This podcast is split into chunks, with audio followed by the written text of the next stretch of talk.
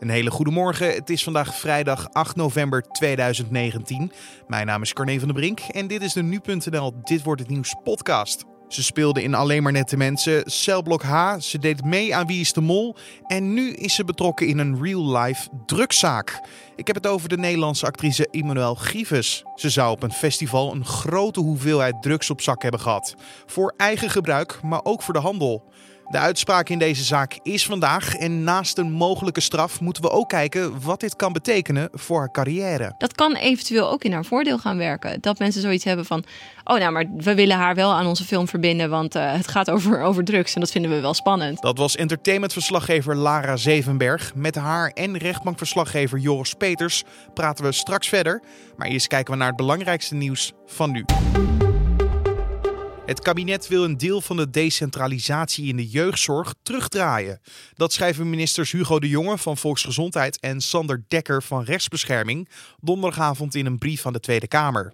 Sinds 2015 ligt de verantwoordelijkheid in de jeugdzorg bij de gemeentes in plaats van de Rijksoverheid.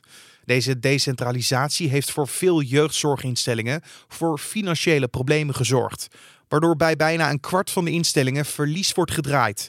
Door deels terug te draaien hopen de ministers de problemen op te lossen. Een student van de Universiteit van Hongkong is vrijdag overleden nadat hij afgelopen weekend tijdens demonstraties was gevallen. Hij is daarmee de eerste dode van de anti-regeringsdemonstraties die al bijna een half jaar in de stad plaatsvinden. Het is niet duidelijk wat voor verwondingen de student precies opliep toen hij afgelopen weekend ten val kwam, maar volgens de lokale politie zou hij een verdieping naar beneden zijn gevallen in een parkeergarage. De dood van de student zal waarschijnlijk zorgen voor veel woede en nieuwe demonstraties tegen de politie van Hongkong. Feyenoord is er donderdag niet in geslaagd om het cruciale Europa League-duel met Young Boys te winnen. Na 90 minuten stond de stand op 1-1 en nu moeten ze vrezen voor uitschakelingen in de Europa League. Verder heeft een erg zwak PSV een 4-1 nederlaag geleden tegen Lask Linz. Het is de vijfde wedstrijd op rij zonder zegen voor de ploeg van trainer Mark van Bommel. En laten we dan positief afsluiten, want AZ heeft donderdagavond opnieuw uitstekende zaken gedaan in de Europa League. De Alkmaarders wonnen de uitwedstrijd tegen FC Astana met 0-5 en zetten zo een belangrijke stap naar overwintering in Europa. Volgens het kabinet mogen door de stikstofcrisis in de komende jaren maar 47.000 nieuwe woningen per jaar gebouwd worden. Dat is aanzienlijk minder dan eerder gedacht. Dat schrijft minister Stientje van Veldhoven van Milieu en Wonen donderdag in een brief aan de Tweede Kamer. Door de vertraging in de nieuwbouwproductie zal het woningtekort oplopen, al dus de minister. Het kabinet en de coalitiepartijen VVD, CDA, D66 en ChristenUnie zoeken momenteel naar een oplossing om minder stikstof uit te stoten, zodat er in eerste instantie weer ruimte ontstaat om woningen te bouwen. Het noordwesten van Iran is vandaag getroffen door een aardbeving, waarbij minstens vier doden en 70 gewonden zijn gevallen. Al dus de Iraanse staatstelevisie. De aardbeving met een magnitude van 5,8 vond plaats in de nacht en hierdoor werden veel mensen uit hun slaap wakker geschud en renden in paniek de straat op. Het was een zware beving die volgens het Europees Mediterraans Aardbevingscentrum door zeker 20 miljoen mensen in de regio moet zijn gevoeld. En dan gaan we over naar het gesprek van deze podcast, oftewel dit wordt het nieuws. Vandaag is de uitspraak in de zaak van de Nederlandse actrice Emmanuel Grieves. Grieves werd in juli van dit jaar met een flinke hoeveelheid drugs betrapt op het Belgische festival Tomorrowland. Waarom had ze zoveel drugs op zak? Wat doet dit met haar carrière? En wat voor straf hangt boven haar hoofd? Al deze vragen stelde ik aan entertainmentverslaggever Lara Zevenberg en rechtbankverslaggever Joris Peters. We begonnen ons gesprek met de vraag waar we Emmanuel Grieves van zouden kunnen kennen. Nou ja, um, ik moet heel erg bekennen dat ik haar vooral ken uh, als uh, deelnemer van Wie is de Mol. En ik denk dat een heleboel mensen dat vooral weten. Uh, maar ze heeft ook bijvoorbeeld in Alleen maar Nette Mensen gespeeld. ze speelde een vrij grote rol in de redelijk populaire televisieserie Shell Blok H. Dus er zijn wel al wat dingen waarvan je haar eventueel zou kunnen kennen. Ja, en ja, we gaan het dan nu hebben over een zaak waar zij betrokken bij is. Over een drugszaak. Waar we haar allemaal echt van kennen. Ja, wat, wat, wat, wat heeft zij gedaan in welke setting? Zij heeft uh, een hele hoop drugs meegenomen uh, naar een festival in België. Uh, dat was nou, nou, ja, in de zomer van dit jaar. Tomorrowland. Inderdaad, to ja. Tomorrowland. En nou ja, misschien dat Joris beter kan vertellen hoeveel, hoe, wat voor hoeveelheden dat waren. Maar laat ik het maar vaag houden. weet jij hoeveel het was? Ik weet het. ik zal niet de exacte dingen, maar het ging inderdaad om cocaïne, ketamine, ecstasy, wiet. Ze had een behoorlijke hoeveelheid bij zich. En dat was allemaal niet voor persoonlijk gebruik. Nee, dat was voor de verkoop. Ja, precies. En daar, ging, daar ging het mis. Daarvoor is ze, is is ze gearresteerd. En uh, ze zit sinds die tijd zit ze vast in, uh, in uh, Antwerpen, denk ik. Ze zit vast. Uh, nee, ze zit nu niet vast trouwens. Oh, ze, ze zat een korte vast. tijd vast in oh, ja, België. Ze natuurlijk, uh, maar ze mocht deze zaak verder gewoon in vrijheid afwachten. Is ook zo. Ja. ja. Want uh, waar wordt ze dan nu officieel van verdacht? Het hebben van drugs of ook het handelen? Ja, nee, ook inderdaad. Want ze heeft een, een aantal ecstasy-pillen verkocht. Pas op de laatste dag van het festival. Dat drie dagen duurt. En ook nog aan vriendinnen of zo, toch? Ja, ook aan vriendinnen. Maar er heeft één persoon heeft daadwerkelijk pillen bij haar gekocht. Um, het zou gaan om een voorbereiding uh, van, van een rol, hè, een filmrol. Want dat was de eerste keer, dat was het eerste wat ze zei, ja. Dat was eerst wat Daar ze is zei. een beetje teruggekomen. Nee, ja, daarna kwam ze eigenlijk met nog een verhaal van dat ze gewoon eigenlijk al heel lang leeft onder een enorme sociale druk uh, vanwege haar bekendheid. En het willen volhouden van het vrolijke, lieve meisje ook op feesten. Uh, en daarom drugs is gaan gebruiken. Maar welke relatie dat nou precies heeft tot het uiteindelijk beslissen om zulke grote hoeveelheden drugs te gaan verkopen om, op een festival, dat is me niet duidelijk geworden. Nee, want dat verhaal inderdaad van dat zij bezig zou zijn met de voorbereiding van een film. We weten nu om welke film het gaat. Hè? Ja, dat is een hele lange tijd dat totaal onduidelijk geweest. Het was ook wel best wel opvallend dat er geen productiehuis die stapte naar voren om te zeggen van nou, ze deed het inderdaad voor ons. Uh, uiteindelijk uh, kwamen we in een soort puzzel terecht en kwamen erachter dat het om de film Suriname ging. Wordt in Suriname opgenomen, uh, gaat over ehm, mensen die in de drugswereld zitten. En eh, zij zou daarin het liefje van een drugsdealer zijn. Uh, het is niet helemaal duidelijk of ze dan zelf ook dealt in dat verhaal. Maar goed, dat, daarvoor zou de voorbereiding zijn geweest. Uh, en die rol is ze kwijt. Die, uh, die is naar Vaya Laurens gegaan. Ja, want die film is niet stopgezet. Die is gewoon doorgegaan, denk ik, met productie. Ja. Alleen ze moesten dus een vervangende actrice vinden. Nou ja, ze hebben van de productie hebben ze steeds gezegd van... kijk, het is absoluut niet onze intentie geweest... dat iemand het gevoel had van... oh, ik moet drugs gaan dealen om me voor te bereiden op deze rol. en ze hebben hun, min of meer hun handen daar ook van afgetrokken. Uh, en het was echt gewoon omdat Faya Laurens zei: ja, Ik heb een nieuwe rol. Volgens mij was het de rol die Emmanuel eerst had. Want anders hadden we gewoon geen idee gehad waarvoor die, uh, die voorbereiding zogenaamd nodig was. Nee, nee, dus die film komt er nog, maar dan zonder Emmanuel Grievous. Ja. En Joris, als je nu kijkt naar deze zaak, het bezit van drugs en het handelen van drugs, hoe gaan ze daarmee om in uh, België?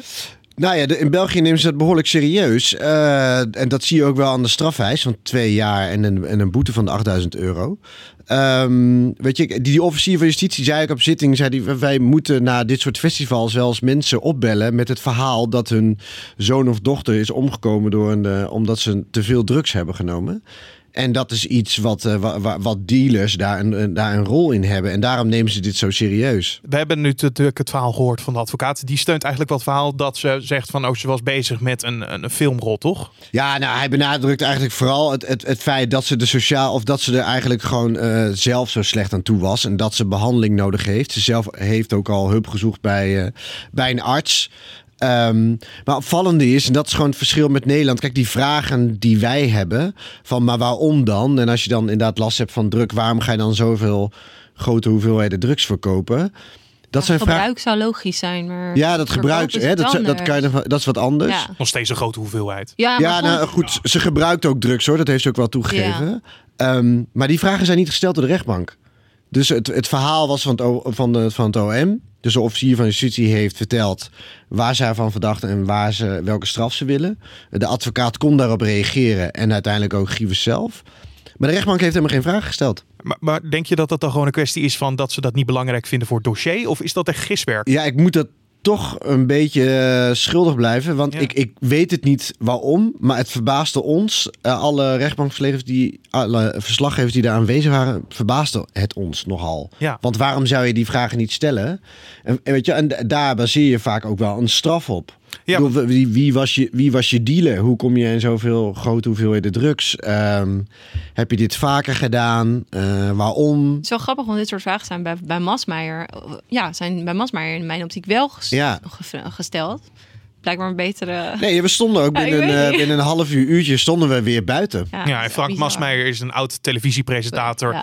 die eh, te maken had met een eh, grote kookzaak, eh, Ja. criminele... Nou was dat ook nog wel iets anders hoor. Maar ik bedoel, daar, daar is wel ook de vraag gesteld van... maar hoe komt het dan toch dat je hier op deze manier mee om bent gegaan? Nee, precies. Ja. Want jij weet het heel goed, Joris. Want jij bent eh, naar België toegeweest om Mhm. de zaak bij te wonen.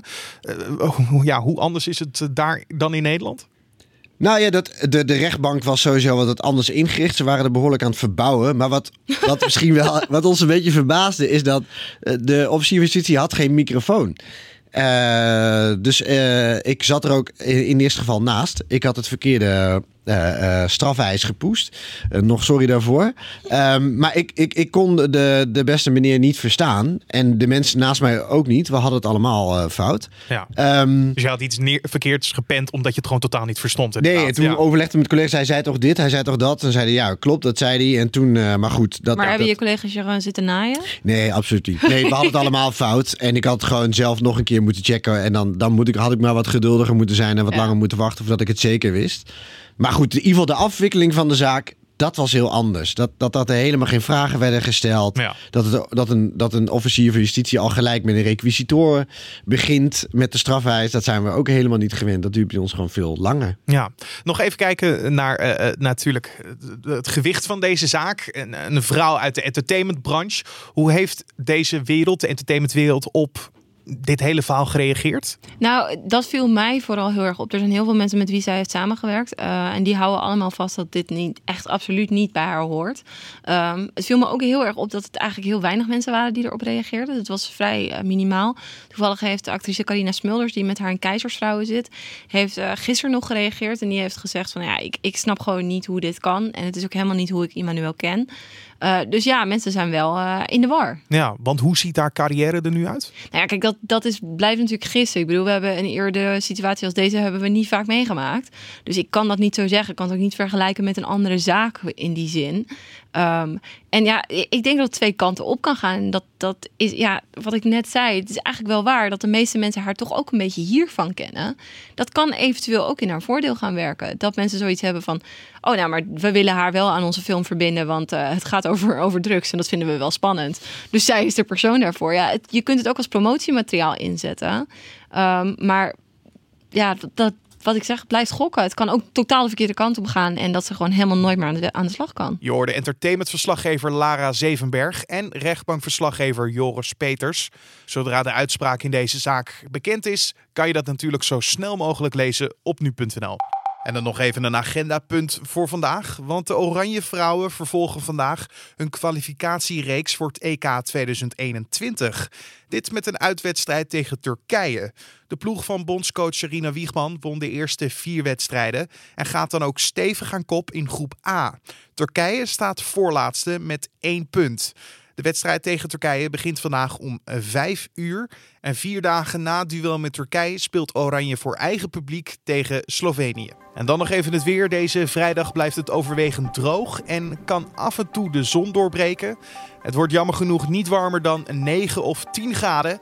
En het weekend wordt ook overwegend droog met af en toe de zon. En als vaste afsluiter van de Vrijdag podcast is nu.nl-redacteur Thomas Krachten er weer.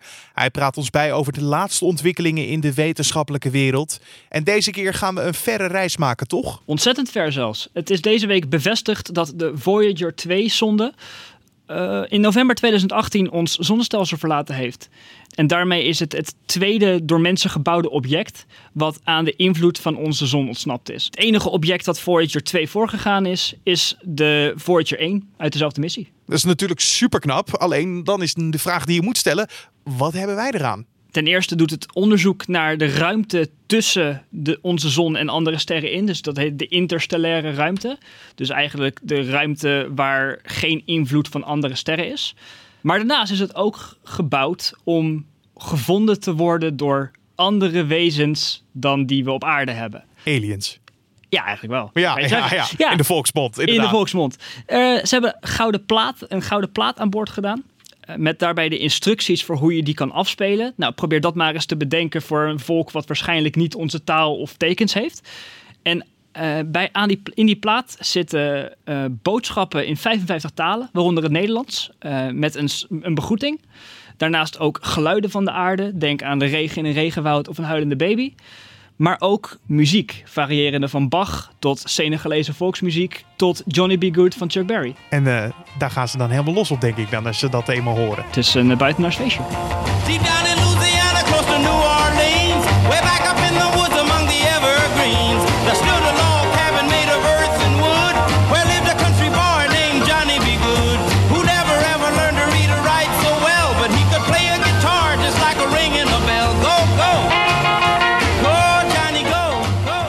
Dankjewel nu.nl-redacteur Thomas Krachten. En volgende week is hij er weer met zijn wetenschappelijke bijdrage. En dit was dan de Dit Wordt Het Nieuws podcast voor deze vrijdag 8 november.